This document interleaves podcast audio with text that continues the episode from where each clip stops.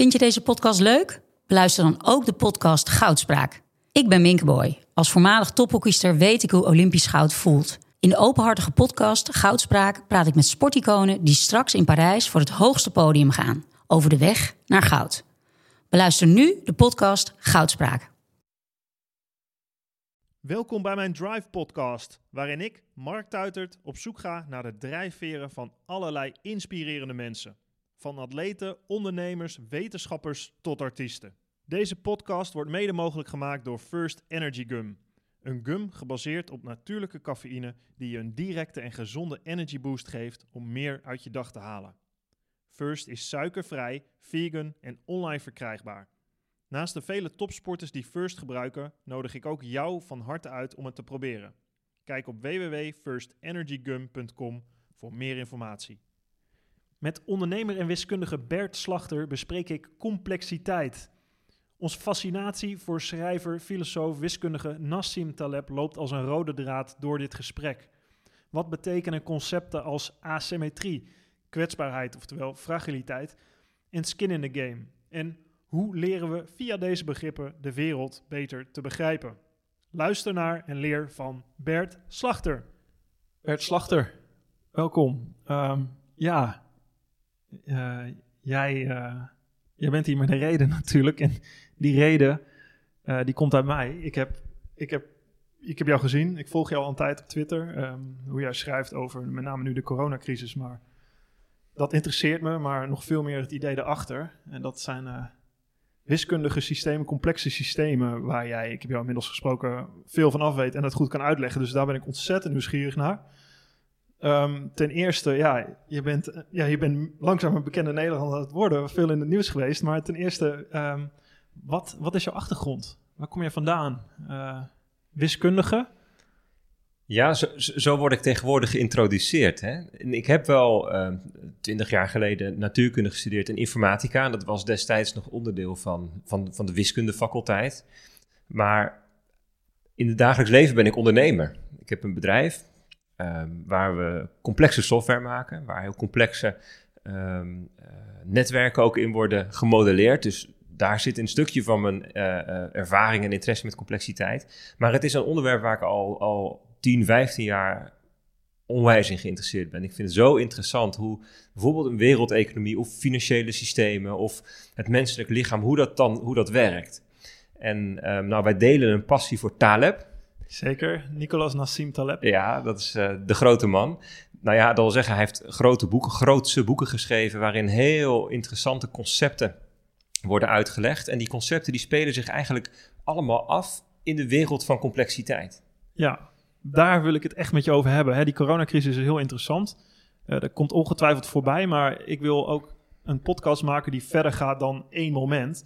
Um, ik wil begrijpen, en ik hoop mijn luisteraars ook, wat daarachter zit. Hoe kan zoiets ontstaan? Het is veel verder gaat dan een virus volgens mij. Het gaat gewoon om hoe de wereld werkt, hoe psychologie werkt, economie, uh, financiën, et cetera. Precies wat je zegt.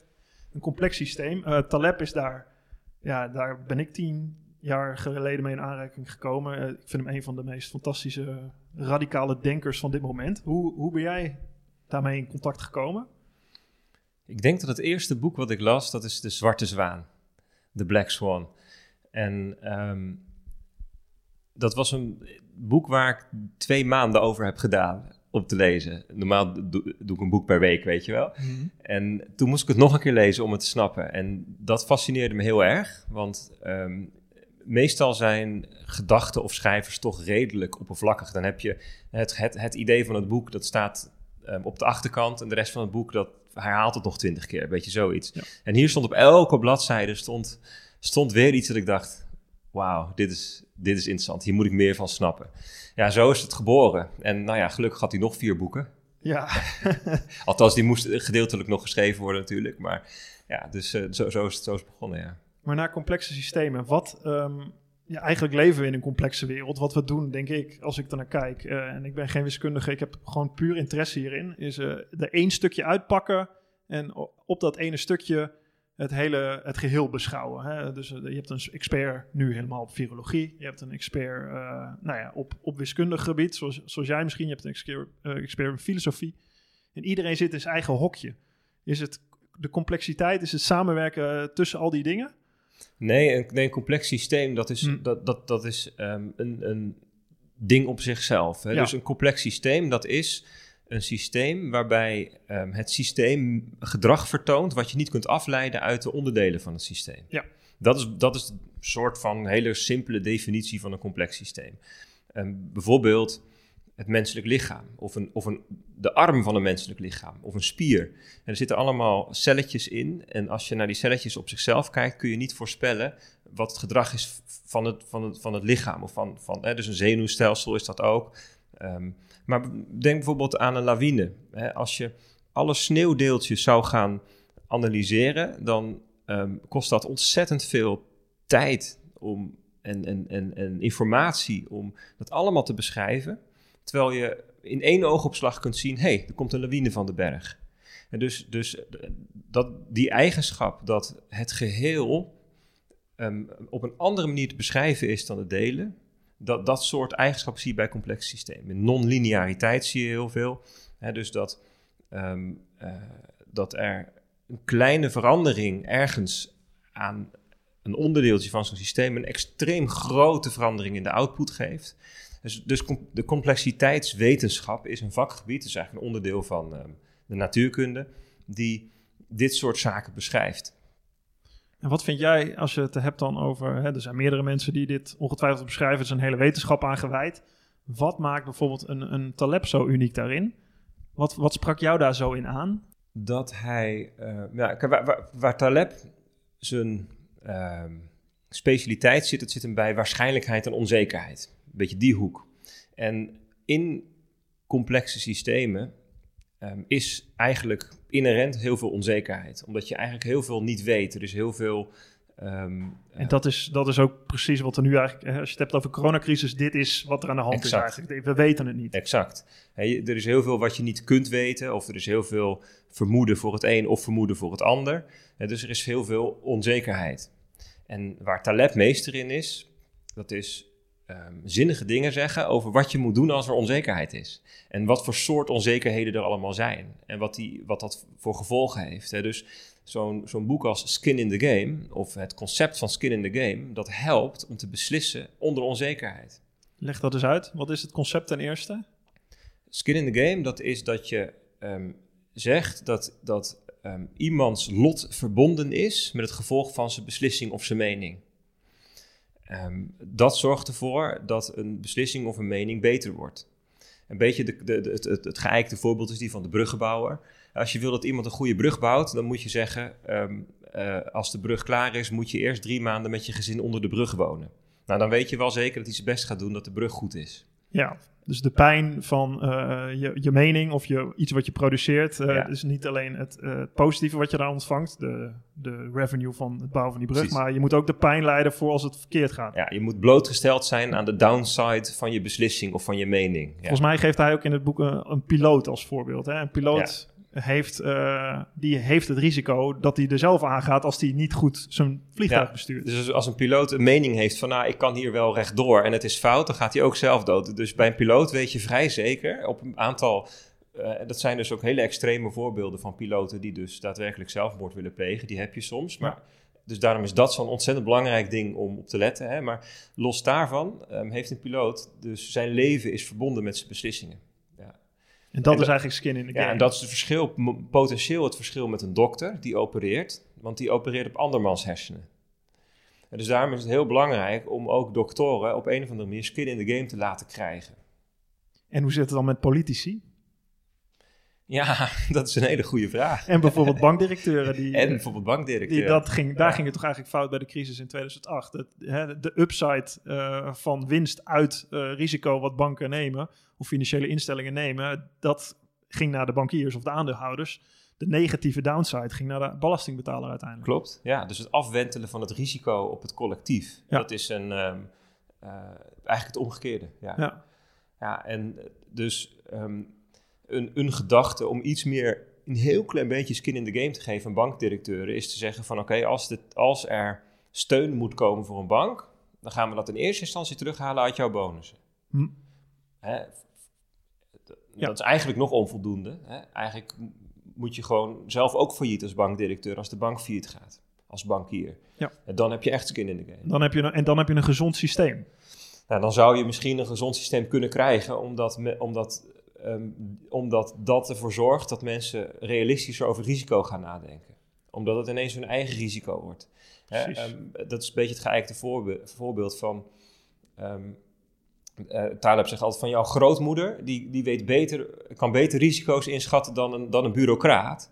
Hè, want die weet van, oké, kan ik hier inhalen? Nou, ik doe het maar niet, want er komt een tegenligger aan. Terwijl ja, als je, als je van een afstandje moet zeggen, kan je inhalen, Excel-sheetje, wow, dat moet wel kunnen. Ja, het is toch niet jouw leven, weet je wel? Ja. Hè, dus die, dat is wat skin in the game doet. Skin in the game ehm, ehm, ehm, helpt om goed met risico om te gaan. Ja. Dus eigenlijk, jij hebt van risico je vak gemaakt, zeg je met je bedrijf. Eh, da- daar gebruik je risico. Ondernemers hebben skin in the game. Dat, Ja. is- het- dat woord, dat kennen we daar ook van, hè, van Ja. ondernemers die skin in the game hebben. Ja, daarom spreekt ondernemen mij ook, ook aan. Het is je, eigenlijk, het, je staat voor je woorden. Je facta non verba. Ja, ja, ik ben niet voor niks Feyenoord fan. Door geen woorden, geen woorden maar daden. Dus het doen is meer waard eigenlijk dan, dan je mening en het zeggen. Of die moeten aan elkaar gekoppeld zijn in ieder geval. Ja, talk is cheap, hè, zegt eh Taleb altijd. Ja.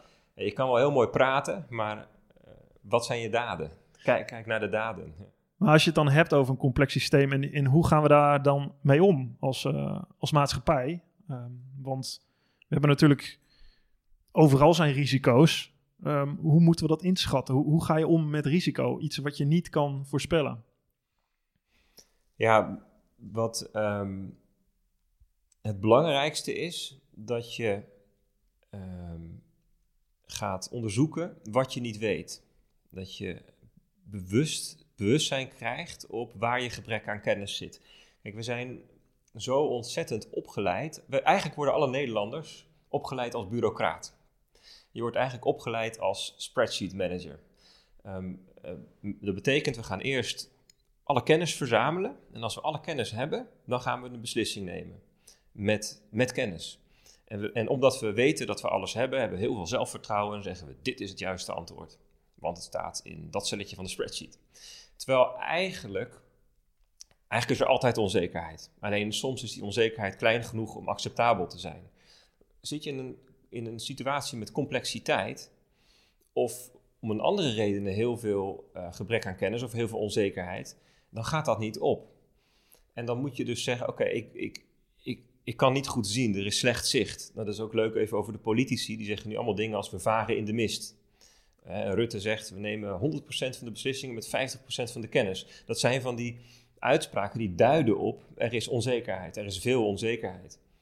Ehm, we noemen dat ook wel opaciteit of opacity. Dat is ondoorzichtigheid, troebelheid. Dus troebelzicht. En als dat zo is, ehm, en dat kan bijvoorbeeld ook betekenen dat er bewijs is voor het een en bewijs voor het ander. Met andere woorden, we zijn er nog niet uit. Dan, dan, dan moet je op een andere manier beslissen als dat je alles weet. En dat is waar Taleb dus, dus ook een heel stuk over op allerlei manieren naar gaat kijken. Nou, en het belangrijkste daarin is dat je, als je dan een aanname moet doen of een keuze moet maken, dat je moet kiezen voor de optie waar de minste catastrofe zit. Een catastrofe, dat is bijvoorbeeld dood en verderf en ehm, het niet overleven, of ruin noemt hij dat dan altijd. Het niet overleven, maar blijvende schade of blijvende economische schade is natuurlijk ook een vorm van catastrofe. Hij maakt, volgens mij, hij maakt volgens mij het verschil inderdaad. Je hebt, je hebt het risico wat je aan moet gaan waar je sterker van wordt. Ehm, en je hebt een risico wat je kan doden. Ja, dat zijn twee verschillende dingen. ja en dus de, identificeer waar zit het risico Mhm. wat mij kan doden. En dat is de optie die je nog even, bij gebrek aan kennis, nog even niet moet nemen. Mocht nou blijken later dat dat risico is uitgesloten, omdat we voortschrijdend inzicht hebben, dan kun je er eventueel alsnog voor kiezen. Heb je een voorbeeld? Nou ja, in die coronacrisis is dat natuurlijk voortdurend aan de hand. Hè? Dat je dus ehm, een aanname hebt over eh, bijvoorbeeld, nou ja, we hebben het nu over groepsimmuniteit. Ja. De vraag is, is er wel of niet immuniteit? Treedt dat wel op? Ehm, als dat niet optreedt, dan ehm, ga je voor een scenario met 100.000 doden, terwijl het uiteindelijk niks oplevert. Dus dat is een bepaald risico. En, en eigenlijk mag je dat scenario pas kiezen als je zeker weet dat, et cetera. En ehm, eh, tot die tijd moet je zeggen: oké, we we, we nemen even aan dat het niet optreedt. Ja. Ja, volgens mij eh, z- zegt Taleb erin. En dat zei hij al vanaf januari. En ik heb jou ook gevolgd vanaf januari. ehm, met papers. Dat, dat eh, zo'n, het risico van zo'n epidemie of een virus is... ehm, dat als je niks onderneemt, het heel groot kan worden. Dus je, en als je... Ja, dus exact. dat moet je Exact. doen. Je moet ondernemen. Ja, nee, maar dat is bijvoorbeeld heel, heel interessant. Hè? Dus, dus ehm, ehm, eind februari, toen was de eerste. Toen, toen, toen begon het uit de hand te lopen in Italië. Er was Ja. nog niks in Nederland.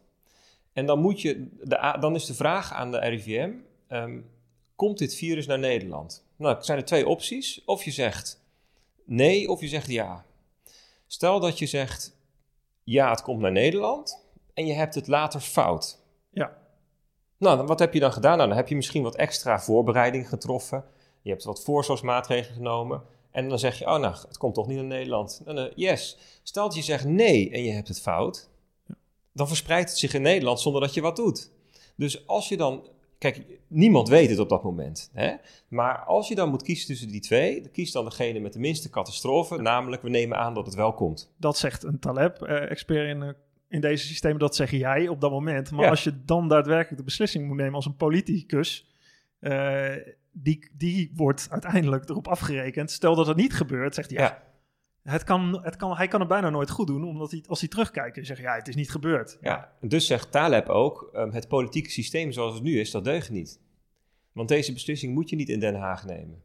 Dus als je kijkt naar, naar, naar Taleb's, Taleb's politieke filosofie, dat heet dan, hij noemt dat localism. Ja. Hij zegt, eigenlijk zou je elke type beslissing moeten nemen op het laagste niveau waarop dat kan. Ehm, ehm, zoals hij het zelf beschrijft is, ik ben, ehm, eh, in mijn gezin ben ik communist. Ja. Hè, in mijn buurt ben ik socialist. In mijn plaats of zo ben ik democraat. In mijn eh, provincie ben ik, eh, in Amerika dan in mijn state ben ik republikein. En op, op het niveau van land ben ik libertariër.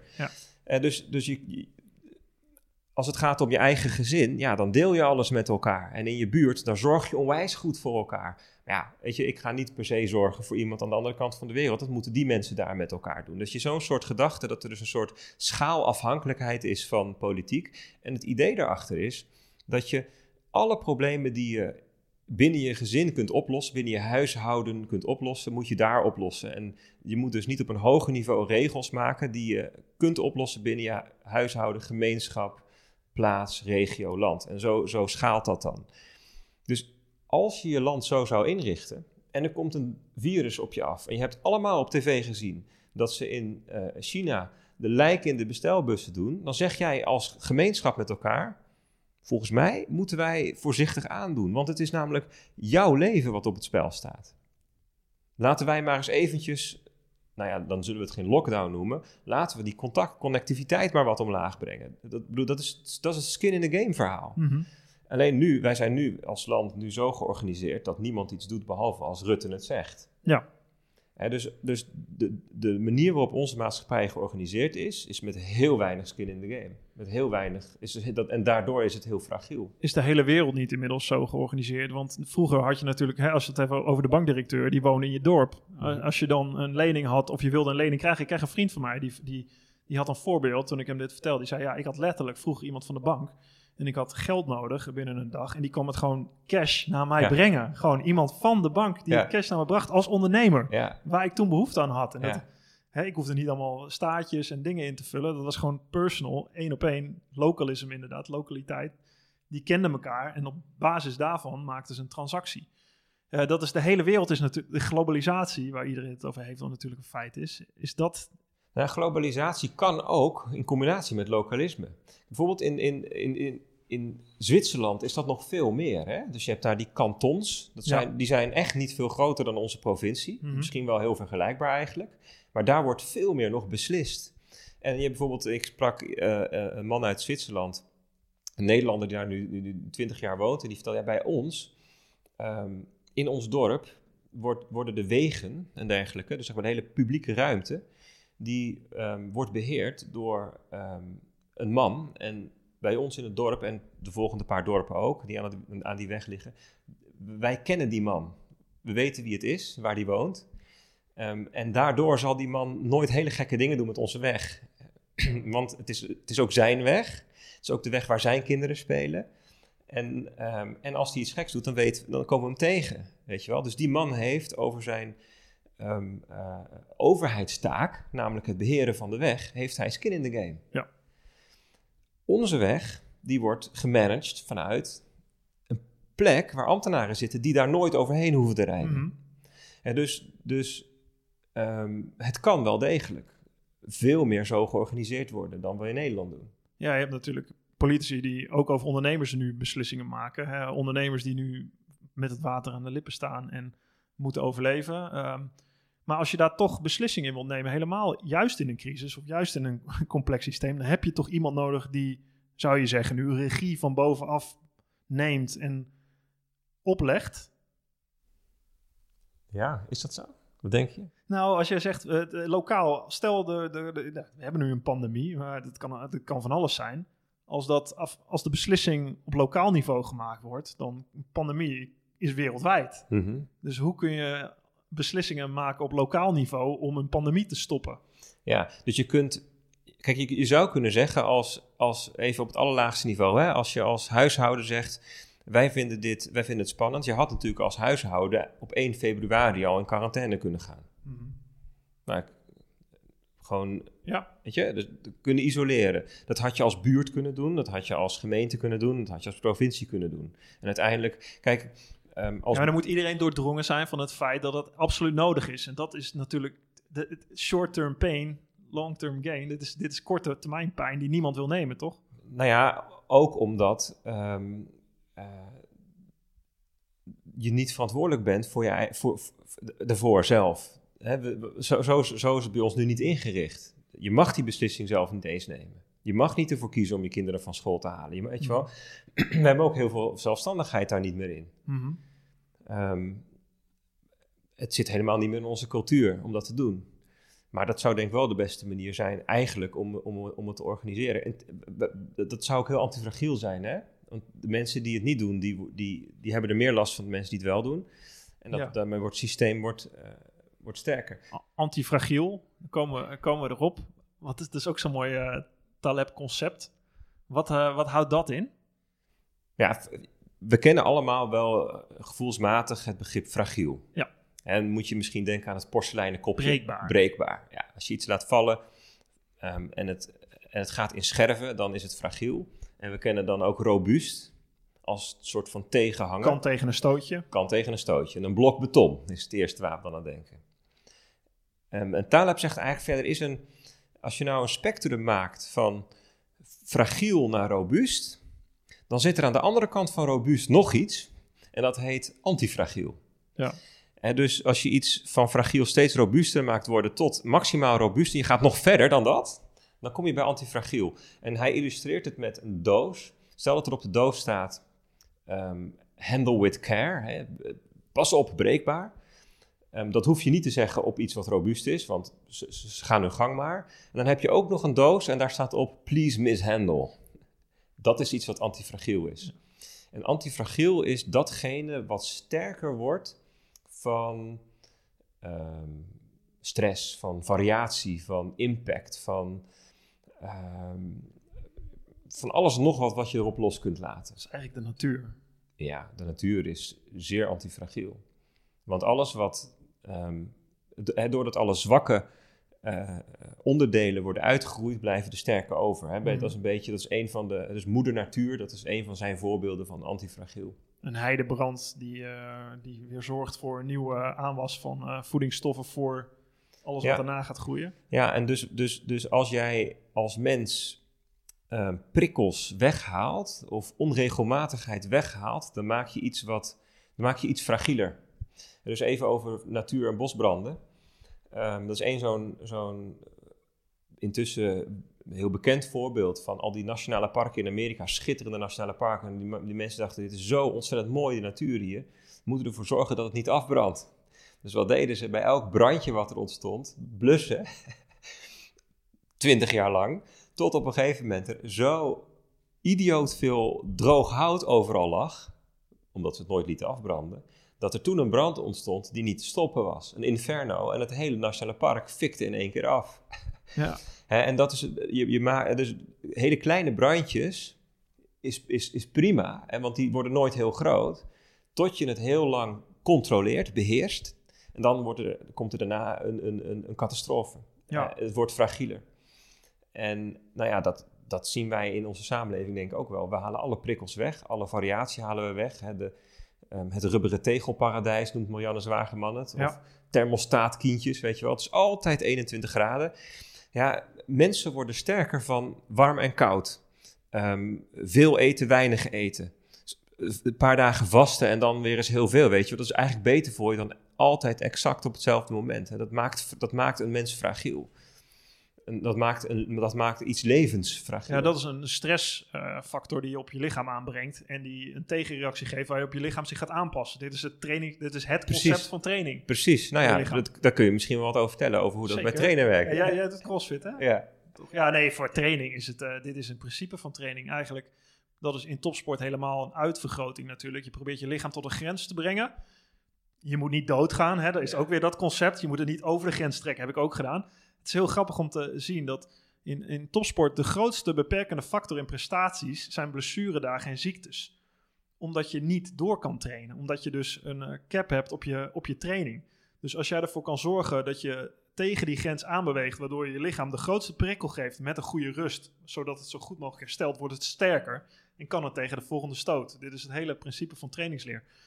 En als je die prikkel te laag maakt, dan word je een watje, dan, dan kom je niet hoog genoeg. Die prikkel te groot maakt, dus het zit, het zit ergens in die range dat je de perfecte prikkel toedient. Maar dat is, je lichaam is antifragiel in principe. Je, het, het, het wordt gesterkt door tegenslag. En niet alleen je lichaam, denk ik. Daarom vind ik Taleb ook zo fascinerend. Ook je geest wordt gesterkt door tegenslag. En daar ben ik wel, dat vertel ik ook veel in mijn presentaties en dingen. Dat geloof ik ook wel in deze situatie met de coronacrisis. Dat daar ligt de, de kans, de natuur. Je wordt onderworpen aan tegenslag. En maar goed ook, dat is je overlevingsmechanisme wat getriggerd wordt, wat je aanzet om niet eh, op de bank te blijven liggen en een beetje weg te kwijnen. Maar het gevoel te hebben dat je, bam, ik sta aan, ik leef, Absoluut. let's go. Absoluut. En dat vind ik fascinerend. Ja, en terwijl dat dus iets is wat in deze maatschappij steeds meer wordt weggemanaged. Al die, zeg maar, tegenslagen worden... Je, eh, Ja. Mensen zijn bang voor tegenslagen. Je mag niet meer, kinderen mogen niet meer in de boom klimmen en eruit vallen, weet Ja. je wel. Terwijl, Nee, het wordt heel erg gezien als je je hand breekt, dat is ontzettend erg. ja, Maar je kan ook de boom net zo hoog maken, omdat er toch rubbertegels onder liggen, zodat een kind zo hoog valt dat hij zijn nek breekt. ja. Want ja. je kan beter je pols breken dan je nek Ja. breken. Zo'n- dus je pols breken is niet erg. Eh, als je daar herstel je van. Tenzij je de boom zo hoog maakt dat je je nek breekt. En dat is wel erg. Ja, ja dus, dus, dus de- ah, het, het idee van fragiel en antifragiel is dat je ehm, op zoek gaat naar een, dat je dus, dus probeert systemen te ontwerpen die beter worden van prikkels. En het menselijk lichaam geeft dus heel veel inspiratie daarvoor. Hm. Want, dat, want het menselijk lichaam is, is antifragiel. In de zin dat het menselijk lichaam wordt beter van variatie en prikkels. Ja. Ehm, en heel veel coaching en training is eigenlijk gebaseerd op weer dat, dat weer durven te zien. Ja. Ehm, eh, nou, jij zei net CrossFit. Ja, dat vind ik ook wel heel leuk. Daarom vind ik CrossFit ook heel erg leuk. Omdat het op zoek gaat naar, naar die extreme en, dat, en, en naar die variatie. En Taleb zelf natuurlijk, de, de deadlift is voor hem een symbool eigenlijk. Hè? Op allerlei manieren. De, de, de barbell-strategie, de halterstrategie. Ja. Hè, de, de, die- de asymmetrie daarin, dat, daar gaan we, dat, dat, dat, is een concept in zijn boek. Asymmetrie. ja. Maar ook het, het deadliften zelf, het aardige van deadliften, het aardige van extreem veel gewicht optillen, dat heeft op allerlei manieren, ehm, eh, maakt dat, eh, is dat, is dat, belichaamt die, die antifragiliteit. Je- Voordat je, ik moet heel even dit toelichten, denk ik, voor de, voor de luisteraars die Taleb niet kennen. En dat Ja. zijn denk ik eh, misschien de meeste. Dat zeg maar de, wat hij doet is inderdaad eh, zijn trainingen zo inrichten dat hij deadlift met heel veel kilo's. En aan de andere kant houdt hij ervan om te slenteren en te wandelen. Eigenlijk is dat hele concept ehm, wat je steeds meer in training ziet. Wat ik de afgelopen jaren in mijn trainingscarrière ook heb toegepast. Ehm, eh, polarized training heet het dan. Gepolariseerd trainen. Dus de uiterste meer opzoeken. Dus heel veel laag intensief werk tegenover heel zwaar kort intensief werk zetten, zodat je zo'n maximale prikkel en maximale herstel uh, inbouwt. Ja, dus bijvoorbeeld het, het, idee van heel zwaar deadliften is dat je, um, uh, dat je botten daardoor dichter gaan worden. Omdat ze, hey, ze worden even belast met twee keer je lichaamsgewicht. Um, het, het doet iets met je zenuwstelsel. Het, het, het, helpt je zenuwstelsel om beter prikkels te gaan uh, geleiden. Dus dat soort dingen hebben we intussen allemaal wel uitgevonden dat het zo is. En daarom is deadliften, specifiek het optillen van heel veel gewicht, is voor hem het symbool geworden Ja. van die antifragiliteit. En van asymmetrie, want er zit asymmetrie in die, in die beweging. Deadlift is maar een heel klein gedeelte in tijd, als je het afzet tegen hele trainingstijd, maar maximaal. Dus er zit heel veel asymmetrie in, in, een, in een intensiteit en in tijd. En daartegenover heel lang rustig andere dingen doen. Maar zit, dat zit overal in. Dat zit toch ook in andere systemen, als we het hebben over economie. Uh, ja, de barbelstrategie of de halterstrategie, dat, dat kende hij. Taleb was uh, ha, uh, handelaar, hè, trader, um, voordat hij hierover ging schrijven.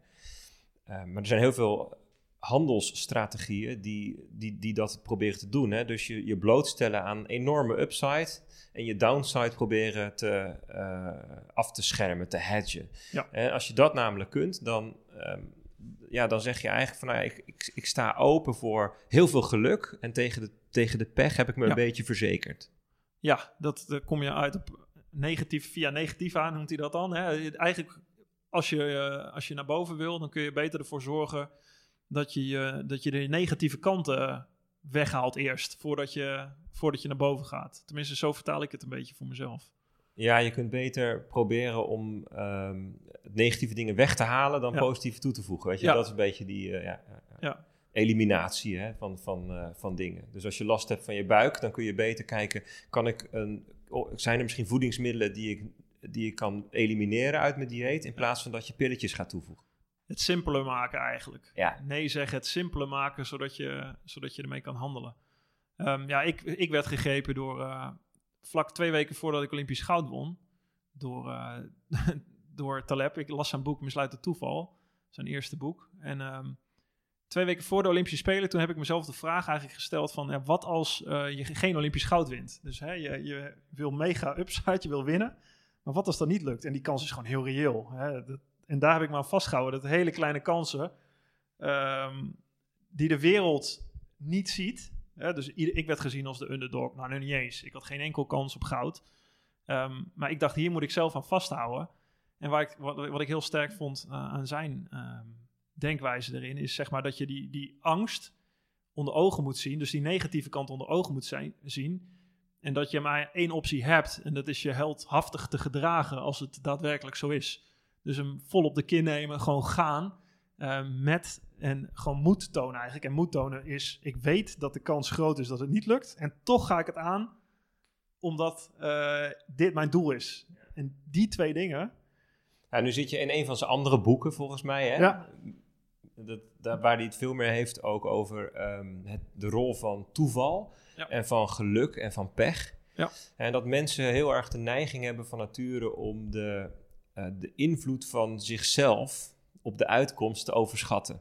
Ja. Terwijl er gewoon zoiets is als geluk en pech. En, en, en dat, dat veel meer invloed heeft eigenlijk dan je verwacht. En op het moment dat je dat omarmt, dat accepteert dat uiteindelijk geluk en pech in het leven altijd het laatste woord hebben, dan, ehm, ja, en dan, dan kom je bij die moed en die heldhaftigheid. Een beetje de stoïcijnse Ja. stoïcisme, hè? stoïcijnse levenshouding van ik laat me niet, ik laat me niet gek maken.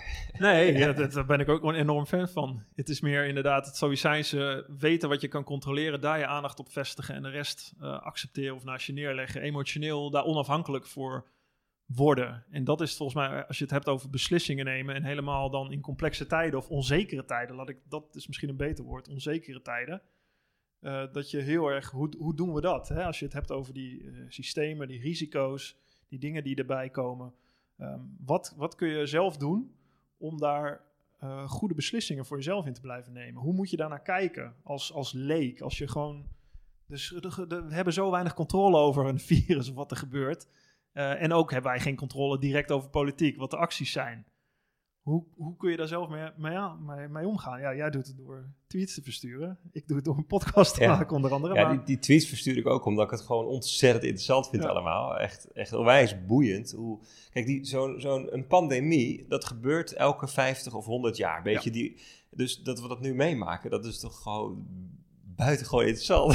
ja, dan word je, Ja, vind je, hey, jij ja. wordt wakker. Ja, ja, dat is... We hebben dat- een pandemie, yes. Ja, nou ja, kijk, dus dat, dat, is, dat is in ieder geval iets wat, waar, waardoor ik wel gegrepen werd, ja. Maar ehm, ja, wat kun je daar zelf mee? Kijk, het is niet alleen maar een pandemie, hè. Pandemie is eigenlijk, want ja, er is namelijk nog wat anders aan de hand. Ehm, toevallig was ook de wereldeconomie uitermate fragiel geworden. Ja. En daaronder ligt een patroon wat zowel heeft bijgedragen aan de epidemie of aan de pandemie, als aan het feit dat de economie nu echt wel stuk is gegaan. Dus, eh, dus dat is even interessant om daar nog even, even, even op in te zoomen. Want die wereld waarin we. en Dat was eigenlijk ook het allereerste wat ik op Twitter. waar ik op Twitter echt heel diep op in ben gegaan. De wereld is onwijs. een onwijs hoge connectiviteit. De vorige pandemie was de wereld veel minder verbonden dan nu. Er is een extreme verbondenheid op dit moment. Ehm, nou ja, op dit moment niet meer natuurlijk, maar laten we zeggen in januari was nog nooit, eh, nog nooit zoveel verbondenheid als op dat moment. Dat was het, als je een grafiek zou tekenen van verbondenheid van de wereld, gaat die alleen maar omhoog tot nu. Poef, en nu zakt hij naar beneden. En de vraag is of we daar, wanneer we daar weer gaan komen. Mensen vlogen overal over de wereld, allemaal internationale evenementen. Dus natuurlijk Ja, als je het nu zo zegt, waarschijnlijk kun je dit... Vroeger vlogen mensen over de hele wereld. Ja, inderdaad, inderdaad, ja. Over tien jaar, wat ja, je op school leert. KLM die heeft al zijn Boeing 747's uit, de- uit de vaart gehaald, volgens mij. Weet je, ja, het is nog maar heel erg de vraag hoe dat ooit terug gaat komen. Maar ehm, eh, eh, die, die, die verbondenheid die heeft dus heel veel invloed op, op zo'n pandemie en hoe snel dat zich kan verspreiden. En, ehm, eh, en, en het, het heeft ook invloed op, de, op hoe de economie georganiseerd is. Want die economie die is nu maximaal fragiel gemaakt doordat alle leveringsketens wereldwijd geïnternationaliseerd zijn. Dus, je, dus het, de, t-shirts hier in de winkel die komen uit Azië en de verf die komt misschien weer uit een ander land, weet je wel. Dus er zijn, zijn eh, dingen bestaan uit heel veel onderdelen en die komen uit heel veel plekken. En het is extreem efficiënt gemaakt. Dus er zijn nergens meer voorraden. Er is, eh, er is heel veel onderlinge afhankelijkheid. Just in time. Hè? Alles is just Ja. in time. Dus eh, als er één of twee weken geen, geen eh, eh, le- leveringen meer zijn, dan stopt de productie. Dus die ketens zijn heel fragiel. ketens zijn heel fragiel geworden. Ehm, dus dus, dus dat is, het is eigenlijk wat dat betreft een soort van perfect storm. Hè? Je hebt de economie, heb je Maar heel waarom zien we dit niet? Waarom, jij vertelt het en dit is allemaal heel logisch, maar waarom, dit, dit, is, toch, dit is toch te zien? Ja, omdat, omdat, nou ja, omdat dus de, de, de, de economie is zo vormgegeven, of misschien moet je zeggen het financiële systeem is zo vormgegeven, dat je extreem beloond wordt voor fragiliteit. En Leg want, uit. want hm? Leg uit. nou ja, ehm, het hebben van voorraad kost geld. Ja. Hè, en het hebben van redundantie kost geld. Dus dus, dus ehm, Even heel kort redundantie. ja, redundantie, dat is bijvoorbeeld de reden dat een mens twee nieren heeft. Als er eentje uitvalt, heb je nog een andere. Ja. Dat, is, dat, is, dat is heel handig, want dan ga je niet meteen dood als er één Ja, nier stuk Backup is. plan. Ja, Mhm. backup plan. Ja. Oh, eh, hè, dus dus eh, bijvoorbeeld alle drinkwaterstations in Nederland, ehm, die, daar moet water gepompt worden. En voor pompen is stroom nodig. Dus die hebben natuurlijk gewoon aansluiting op het stroomnet. Maar vroeger hadden ze allemaal ook een generator staan met diesel. Ja. Als stroom uitvalt, dan heb je een alternatief. Redundante stroom. Dat hebben we nu niet. Nou, dat is dus heel interessant. Een aantal jaar geleden deden ze dus weer onderzoek naar, dat was het, het programma op tv ook toen, hè, als de dijken breken. En toen kwamen ze er ook achter, ja, we hebben, zijn vanwege efficiency redenen zijn we bezig geweest met het bezuinigen van, op die generators. Dus heel interessant. Als er dan een stroomuitval is, ben je ook je drinkwater kwijt. Hmm. Ja. Eh, dus dat, zijn, dat is redundantie. En, en je voelt al aan, als we die redundantie daar weghalen, wordt het fragieler. Ja. Hè, want als het een uitvalt, Ja. valt ook het andere uit. Maar hoe, in hoeverre wordt dat beloond dan? Jij zegt eh, een fragieler systeem. Eh, we, belonen dat. Dat just in time. Hè? Minder voorraad, minder redundantie, eigenlijk gewoon minder kosten. Alles is optimalisatie tot maximale winsten of tot, tot maximale groei. Is dat, hoe, hoe ondervang je dat? Of is het gewoon een logisch geheel van de wil als mens om te optimaliseren of te groeien? Nou ja, het, het, komt doordat het heel erg op de korte termijn is. Alles is heel erg op de korte termijn gericht. De economie of het financiële systeem is zo vormgegeven dat korte termijn beslissingen uh, het opleveren. Um, um, het gaat erom, uh, dat heeft ook te maken met geld. We kunnen in ons geld eigenlijk waarde helemaal niet meer transporteren over lange tijd. Uh, ik bedoel, um, als je nu een miljoen euro hebt, dan moet je best wel je best doen om te zorgen dat je daar over 30 of 40 jaar nog steeds evenveel uh, koppen koffie en blikjes bier van kunt kopen. Ja, maar dat hebben we ook gedaan door die crisis. We, pompen geld in een systeem. Het is gewoon een, een, om als politiek of als, nog niet eens politiek, de centrale banken die, die geld genereren na de vorige crisis. Eigenlijk bouwen we dat allemaal op schulden. Hè? Dus je, je, je, leent heel veel geld. En dat lenen is eigenlijk iets wat je zou moeten terugbetalen. Maar zelfs dat hoeft niet meer, hè? want we, duwen eeuwig voor ons uit. Dus dat weg zoekt een, geld, dat zoekt een weg naar rendement, dat geld. Ja, dus, dus, dus, dus, dus dat wordt, ook dat wordt heel fragiel. Hè? Want je kunt op een gegeven moment, bedoel, in Italië gaan ze nu naar een staatsschuld van 200 procent. Dat betekent de rente kan eigenlijk niet meer omhoog, want dan gaat Italië failliet. Maar het kan, moet het dan oneindig laag blijven? Dat is ook lastig. En, want, hè, want als, als je dus dat instrument verdwijnt als, voor centrale banken. Dus eigenlijk alles in alles komen op een punt dat dingen. Dus, dus de, de productieketens zijn fragiel. Ehm, landen zijn afhankelijk van, van, van allerlei plekken op de wereld. Want we hebben al onze productie eh, naar andere stukken van de wereld gehaald.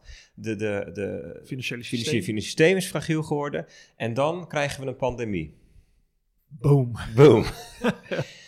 ja, dus dit is, je kan, je kan, als je gaat kijken naar fragiliteit en antifragiel, je kunt al die, die dingen waar, um, waar Taleb het over heeft, kun je zo aanwijzen. Op al die plekken kun je het zien. Hij heeft, het ook al aan, hij heeft de, financiële crisis aangegeven en dit ook als, al lang aangegeven als extreem risico. Ja.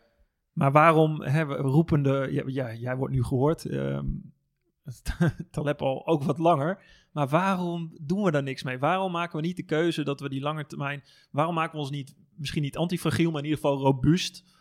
Omdat we zien dat, dat, dat dit deze kant op gaat. Is, is, is, dan kom ik toch uiteindelijk misschien zelf op, als ik even mijn eigen, op moed, op politieke moed ook uit om dat te doen of om dit te voorzien. Het gaat goed zolang het goed gaat. Ja, dat is het. Het gaat goed zolang het goed gaat. En het is ook een beetje zo, um, als elk land geld leent van de toekomst, en je doet het als enige land niet, dan ben je weer gekke Henkie of zo, weet je wel. Ja. En dat, dat zag China natuurlijk op een gegeven moment ook. Die hadden eigenlijk heel, een hele lage staatsschuld. Toen dachten ze, ja. weet je wat wij gaan doen? Wij gaan ook gewoon... Uh, welvaart kopen. Ja, welvaart kopen. Uh, lenen, lenen van onze volgende generatie eigenlijk. Ja. Uh, dus, um, wat zegt Paul Krugman, hè, die, dat is een van die economen... die staat dan voor het huidige nou ja, monetaire beleid. En die zegt, jongens, doe niet zo moeilijk over debt, over schuld. Dat schuld, dat is geld wat we aan onszelf schuldig zijn. Hè? Ik bedoel, staatsschuld is schuld aan onszelf. Maar wat hij er niet bij zegt, is dat de huidige staatsschuld is schuld aan onze kinderen. Ja. Want je transporteert het over tijd, tenzij je accepteert dat eens in de zoveel tijd je het financiële stelsel reset of herziet. Dat je zegt, oké, okay, ehm, de dollar was, is ook niet altijd de, de wereldreservemunt geweest. Daarvoor was het Britse pond. En volgens mij is het ooit de gulden ook, ook nog geweest. Dus misschien moet je wel zeggen, we zijn op weg naar een herziening van het, van het geldsysteem. Could be. Maar is dat dan hyperinflatie of is dat totale kwijtschelding van schulden? Ja, dat zou kunnen. Dat, dat zijn dat type scenario's. Dat is niet volgend jaar, want dat zijn dingen die duren decennium. Maar als je erop nadenkt, dan uiteindelijk ja, dit is gewoon mijn simpele logische gedachte. Moet je daar bijna toch op uitkomen? Ja. Anders is het niet houdbaar. Ja. Wij willen als mens meer en stiekem, maar niemand wil die echte pijnlijn. Die duwen we maar vooruit, duwen we maar vooruit, duwen we maar vooruit. Tot een herziening van. Ja, en misschien komt daarmee ook alweer een herziening van de cultuur. En van de, van, de, van de waarden en van hoe we naar de wereld kijken. En misschien komt er dan meer ruimte voor dit soort zaken. Kijk, het is nu ook heel moeilijk om bijvoorbeeld iets als um, duurzaamheid en milieu en klimaat uh, onder de aandacht te brengen. Omdat mensen heel erg gericht zijn op nu. Politici denken, joh, weet je, die zeespiegelstijging, ja. dat til ik wel even over de verkiezingen heen. En dat is ook het interessante aan een pandemie. Die kun je niet over de verkiezingen heen tillen. Die raakt je nu. maar dat was in het begin was dat wel een beetje uh, het idee wat je kreeg bij politici. Dat ze dachten, ja. We, weet je, we schuiven van even van ons uit. Ja. Komt wel goed. Je zag Trump ook heel lang van... Ja. Nou, dus op Pasen. Wat zei hij ook alweer? Ja. Tot hij op een gegeven moment dacht, shit, ja, we, dit, dit, eh, we moeten nu echt wat doen. En toen was het ineens van, eh, ja, we hebben de greatest beslissing genomen. En eh, we gaan in de greatest lockdown. En ja, Ja, je had het over Krugman, die noemde, dat is nog een vraag die ik kreeg van meerdere mensen. Eh Taleb heeft daar een term voor. De, de IYI, hè? IYI, Intellectuals Yet Idiot. Idiots. Ja, hij is heel, heel hard daarin, heel scherp. Ik kreeg letterlijk de vraag van, van twee mensen. Waarom is Taleb zo'n lul? Ja, dat is het ook. Op Twitter zeker. hij is heel hard. Hij is in zijn boeken ook heel hard. Ja. Hij kiest zijn vijanden uit. Hij heeft een aantal mensen met wie hij eh, blijkbaar appeltjes te schillen heeft. Ja. Ik ben er nog niet over uit of het nou bijdraagt of afdoet aan zijn, afbreuk doet aan zijn boodschap. Nee, ja, dat precies. Er zijn mensen die zeggen, ja, dat... dat Ja, als je zo'n klootzak bent, dan kan het toch haast niet zijn dat je...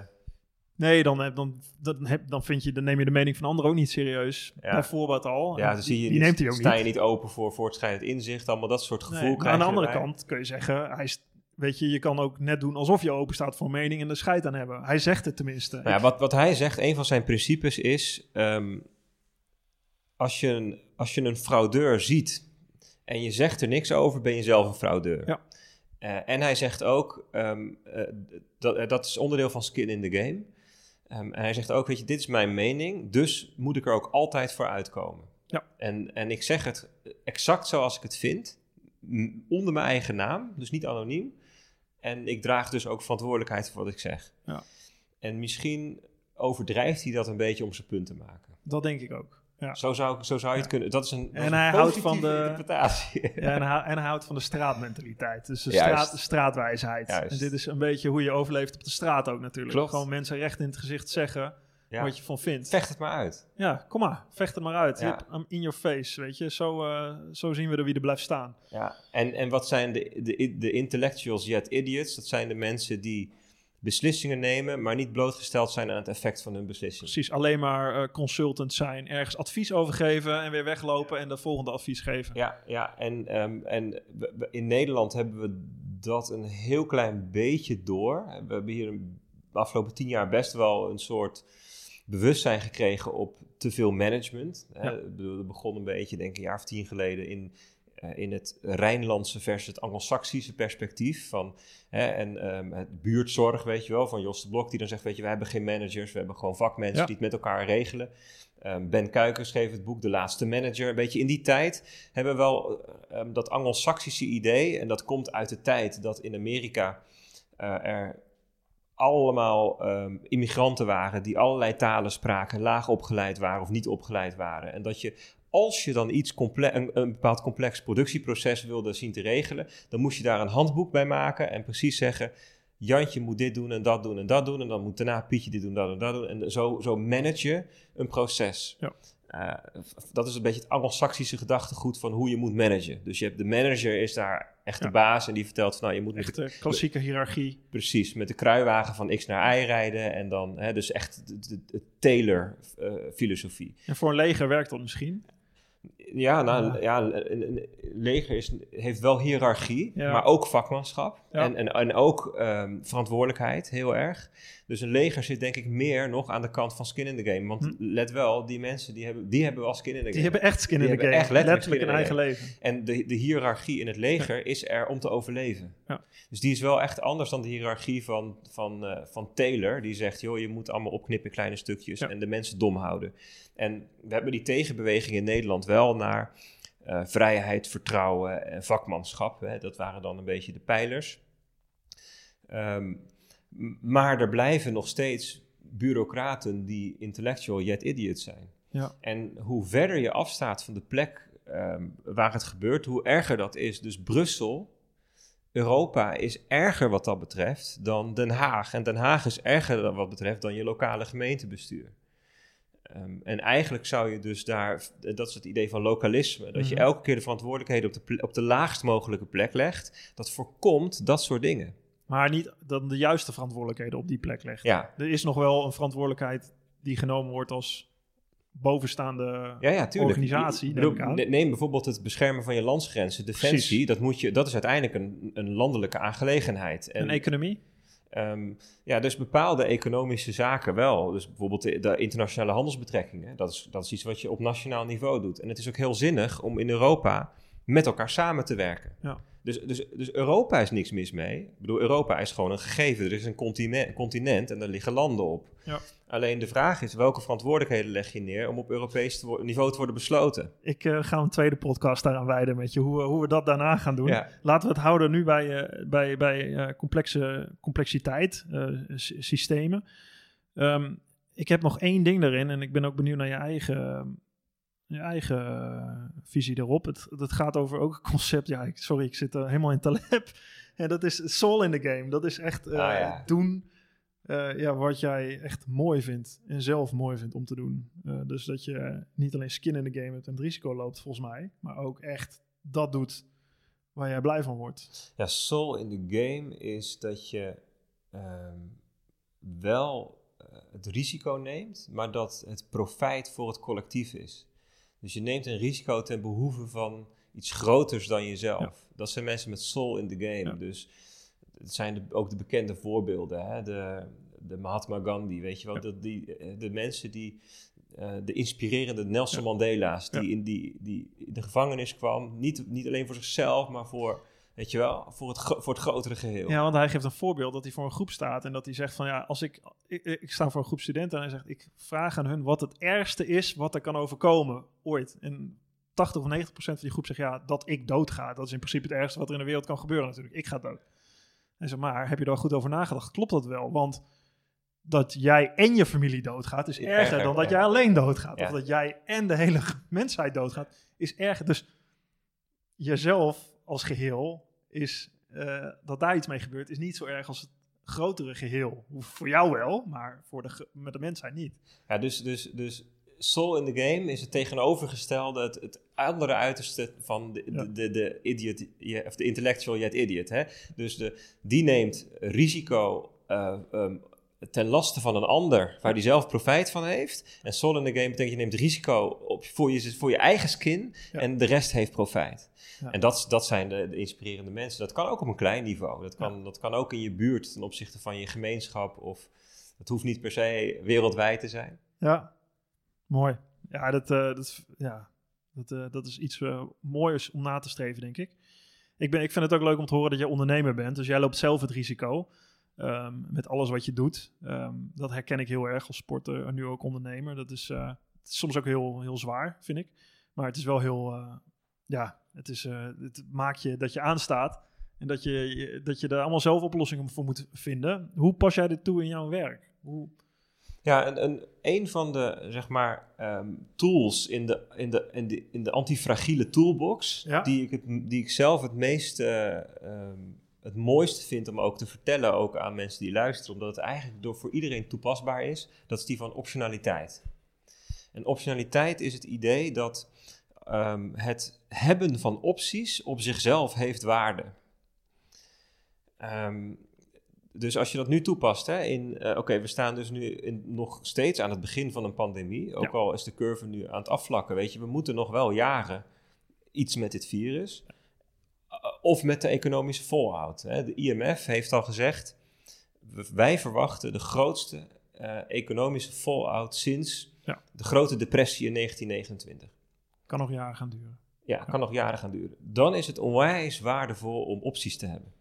Ehm, en dan bedoel ik niet opties op de beurs, maar m- mogelijkheden open te houden. Bijvoorbeeld, stel dat je wordt ontslagen. Is er dan nog iets anders wat je, waar je geld mee kunt verdienen? Waar zit al je vermogen? Zit het in je huis of heb je ook gewoon cash? Cash is optionaliteit. Ja. Ehm, weet je wel, dat, dat soort dingen. Hè? Ehm, Dus als je een, een koophuis hebt met een hypotheek eh, die, eh, die helemaal op het grensje zit. En je hebt allebei een baan en een gezin. Wat helemaal geen gekke. eh, dat, is- dat komt heel veel voor natuurlijk. Ehm, dan heb je weinig optionaliteit. Ja. ja, precies. Dus dan is het eigenlijk heel interessant om na te denken over hoe kan ik mijn optionaliteit vergroten. En kan ik dingen doen die ervoor zorgen dat op hele kleine en op hele grote niveaus, dat maakt, je kunt op allerlei dingen toepassen, dat ik, dat ik opties heb. Hoe doe je dat dan? Nou, dat, een heel bazaal dingetje is, dat hebben we het in het begin, dat was in het begin was het natuurlijk van moeten we, moeten we wc-papier hamsteren. Ja. Maar het hamsteren van wc-papier hè, het hele interessante eraan is, als je wc-papier op voorraad hebt, heb je een optie die weinig kost, want je moet het toch een keer kopen. Dus, dus zo erover nadenken van, oké, voedsel. Ehm, ik kan eten kopen, ik kan ook eten van de plank halen en misschien kan ik het wel zelf verbouwen. Dat zijn drie opties in plaats van dat je er eentje hebt, namelijk ik kan alleen maar eten ter plekke kopen. Ja. Ehm, ja, en zo zou je dus op allerlei gebieden van je leven zou je kunnen gaan nadenken van ehm, eh, hoe kan ik daar, daar invulling aan geven. Ja. Hoe doe je dat zelf? Nou ja, dus bijvoorbeeld zorgen voor een buffer. Gewoon spaargeld. Bijvoorbeeld, ja, spaargeld. Sparen. ja. Grappig. Ja, ik, heb de, ik denk daar zelf ook heel veel over na. Ik heb met Helle, mijn vrouw, af en toe wel eens discussie. En dan probeer ik haar erin mee te nemen. Ik probeer, nadat ik gestopt ben met schaatsen, ook wil een aantal wegen hebben die je kan bewandelen. Ondernemen eh, vind ik mooi om te doen. En dat is natuurlijk ook optionaliteit met... Nou ja, het negatieve risico is alle tijd en geld die je er investeert dat weg is. Het positieve risico is dat het heel goed gaat en dat je ervan kan leven in de toekomst met iets waar je hart en ziel en zaligheid in steekt. En de andere kant is het eh, tv-werk, presenteren. Ik, Ja, dus, dus differentiëren, verschillende Precies. opties open hebben. Dus als er dan eentje faalt, heb je nog een andere. Ja. Dus, dus ook zorg voor verschillende vaardigheden. Ontwikkel vaardigheden. Ja. Ontwikkel fitheid. Als je een fit lijf hebt, dan heb je dat geeft optionaliteit. Ja. Je kunt daar dingen mee. Ja. Weet je wel, dus er zijn zoveel dingen die je zelf kunt doen, die, die, ehm, eh, die als je geconfronteerd wordt met het onbekende, want dat Mhm. is wat er namelijk je hele leven gebeurt, dat je dan opties hebt. grappig, dat is waar eh, David Epstein aan refereert. Ik weet niet of je zijn boek kent, Range. Dat, komt, dat is een, een sportschrijver, eigenlijk sportjournalist. Die heeft het heel erg over generalisatie in plaats van specialisatie. Het is natuurlijk heel waardevol. Hè? Jij bent ook specialist in een gebied. Om, om ergens echt kennis in op te bouwen, natuurlijk, dat, dat, dat moet. Maar daarnaast is het heel waardevol om bredere opties te hebben. En hij noemt dat eh, als voorbeeld van mensen die dit, hè, connecting the dots, de dingen kunnen verbinden met elkaar, die eh, links kunnen leggen, die anderen niet kunnen leggen. En dan kom ik eigenlijk terug waar, waar ik begon. En dat is als je het hebt over zo'n outbreak management team en over specialisten in ieder hokje, in ieder vak. Eh, waar zijn de mensen die het geheel kunnen samenvatten, bij elkaar kunnen pakken en die optionaliteit kunnen genereren? Dat is waar, hè, volgens mij is dat waardevol om na te streven. Ook als beleidsmaker, maar dat is ontzettend moeilijk om te doen. Ja, als beleidsmaker zeker. Want kijk, alle mensen die er nu bij betrokken zijn, die zijn ontzettend goed en gewend aan heel langlopende vraagstukken. Ja. Ehm, dus waar je uitgebreide tijd hebt om het te onderzoeken en over na te denken en tot een goed geïnformeerde beslissing te komen, voor- en nadelen enzovoort. Maar die tijd is er domweg niet. Dus je hebt nu eigenlijk militairen nodig. Je hebt eigenlijk mensen uit crisis nodig. Mensen die, die, die dat hebben meegemaakt. In Nederland hebben we niet zoveel crisissen. Hè? We hebben niet zo vaak aardbevingen of overstromingen of eh, burgeroorlogen, dat soort dingen. Het zit ook niet zo... Sterker nog, wij polderen ons helemaal suf. Ja, we hebben, voor alles hebben we de tijd mooi. om uitgebreid na Ja. te denken. Maar ik denk wel dat je landen die vaker te maken hebben met een crisis, dat die ook... Dat die ook ik, ik heb helemaal dat niet, niet bestudeerd hoor, maar ik kan me zo voorstellen dat dat soort landen ook, als je gaat kijken naar de pandemie, hier beter op gereageerd hebben. Ja. Gaan we het over hebben op de volgende podcast. Hoe gaan we reageren op de pandemie en eh, überhaupt op, op zulke situaties, de reactie van onszelf erop. Ehm dankjewel voor het toelichten van, eh, van, van de ideeën van Taleb, die ik al tien jaar, allemaal vragen waar ik al 10, 12 jaar mee loop. Ehm, en bedankt dat je die kan hel- verhelderen. Ik denk dat die, tenminste dat neem ik aan en ik hoop dat het zo is, luisteraars. Laat het ook vooral weten ehm, dat, dat jullie die ook aanspreken. Vind ik een heel mooie manier om dat ook te delen eh, via jou, omdat jij nou, ik had het net over mensen, jij, jij, jij zit in die materie, maar je kan het ook nog heel helder en goed uitleggen. En dat is echt heel moeilijk om te doen. Weet ik, ik heb ooit nog eens bij Wilfried de Jong gezeten, trouwens, dat is, eh, tot slot. En ik, ik, heb ooit, ik heb gezegd voor een tv-interview dat ik misleid toeval van Taleb had gelezen, twee, drie weken voor mijn Olympische Spelen. En toen, eh, dat hoorden ze bij eh, de Jong. Dus dan mocht ik bij, bij, bij zijn programma, mocht ik de uitleg over geven. Nou, ik, Lastig hè? Iedereen, iedereen, waar gaat het over, weet je? Ik kon het helemaal niet heel goed onder woorden brengen. Waarom dat, maar intuïtief voelde ik daar zoveel bij. D- dit is volgens mij hoe het leven in elkaar zit. Eh, en dit is hoe ik eigenlijk intuïtief er al zelf over nadacht. Zonder dat ik de wiskundige dingen begreep. Maar gewoon het, het, het beetje het wapenen tegen de tegenslag waar ik mee om ben gegaan. En alles daarboven helemaal open houden en daar vol voor gaan. Ehm, dat, dat idee, dat sprak me heel erg aan. Dus ik kwam bij Wilfried de Jong en wat ik daarmee wil zeggen is hoe moeilijk het is om iets uit te leggen. Eh, en ook nog uit te leggen is eh, naar, eh, naar de luisteraars. Dus laat me weten, luisteraars, of jullie dit snappen of, jullie, of, of, wat je überhaupt voor vragen erover hebt. We kunnen ongetwijfeld heel diep ingaan op wiskundige begrippen. Nou haak ik misschien ook af. En dat is voor bepaalde luisteraars leuk. Ik, ik hoop dat we een beetje de, enigszins de concepten hebben kunnen raken. Dus eh, bedankt daarvoor. Ja, cool. Heel leuk. Top. Dank je voor het luisteren naar mijn Drive podcast. Wil je nu meer afleveringen luisteren? Abonneer je dan op mijn podcast via Spotify, iTunes of YouTube. Je kan me vinden onder Drive Podcast Mark Tuitert. Of bekijk alle informatie en alle podcasts op www.firstenergygum.com. Ga je naar het tapje media en het tapje podcasts. Daar vind je alle informatie. Laat me ook weten wat je van deze podcast vindt en welke gasten jij graag zou willen horen. Dan ga ik daar werk van maken. En dat kan je doen via mijn eigen social media kanalen. Mark Tuitert. Je kan me vinden op Instagram, Twitter en LinkedIn. Ga gedreven verder zou ik zeggen en tot de volgende Drive podcast.